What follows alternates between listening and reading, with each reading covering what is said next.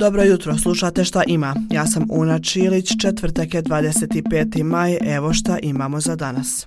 One, two, three, Danas je dan žalosti u Federaciji BiH zbog godišnjice masakra na Tuzlanskoj kapi koji se dogodio 25. maja 1995. godine. Ovo je prvi put da se ovaj dan proglašava danom žalosti, a odluku je donijela entitetska vlada prije dva dana. Umeđu vremenu je i predsjedništvo usvojilo zaključak kojim se zadužuje vijeće ministara da usvoji odluku o proglašenju 25. maja 2023. godine danom žalosti na teritoriji cijele Bosne i Hercegovine. Granata na Tuzlansku kapiju ispaljena je sa položaja Vojske Republike Srpske. Ubijena je 71 osoba, najviše mladi koji su u prosjeku imali 24 godine, a ranjeno je više od 150 ljudi. Za zločin na kapiji odgovarao je i pravomoćno osuđen general vojske RS-a Novak Đukić, koji je u oči izricanja pravosnažne presude pobjegao u Srbiju. Međunarodna komisija za nestale osobe i udruženja porodica nestalih iz BiH danas će predstaviti rezultate svojih projekata.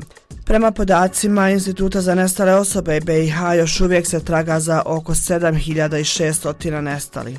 Prema zvaničnim podacima do danas je otkriveno oko 1000 masovnih i pojedinačnih grobnica. One, two, three, Danas se obilježava 30 godina od kako je osnovan Međunarodni krivični sud za bivšu Jugoslaviju.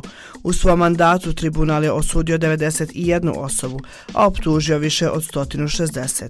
Poslušajte dio eksplenera kolegice Dženane Halimović, 30 godina kasnije, Haški tribunal u brojkama. Prva pravosnažna presuda, kazna od pet godina zatvora, izrečena je Draženu Erdemoviću zbog strijeljanja hiljadu bošnjaka iz Srebrenice u julu 1995. godine. Prvi je optuženik koji je priznao krivicu. Od svih zločina koji su se dogodili na prostoru bivše Jugoslavije, jedino je zločin u Srebrenici proglašen genocidom. Za ovaj zločin tribunal u Hagu izrekao je pet kazni doživotnog zatvora. Na doživotnu kaznu zbog genocida osuđen je glavni komandant Vojske Republike Srpske Ratko Mladić te još tri visokorangirana oficira Vojske Republike Srpske. Zbog genocida je na doživotni zatvor osuđen i Radovan Karadžić, ratni predsjednik Republike Srpske.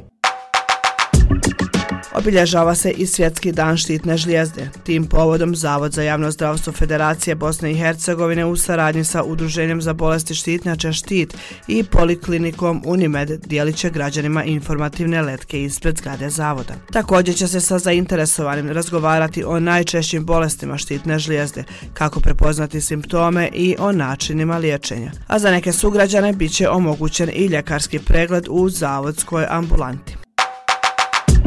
Danas je treća godišnjica od ubistva afroamerikanca Georgea Floyda, kojeg je u Minneapolisu ubio policajac. Njegovo ubistvo potaknulo je proteste širom svijeta kao i pozive na reformu policije u Americi.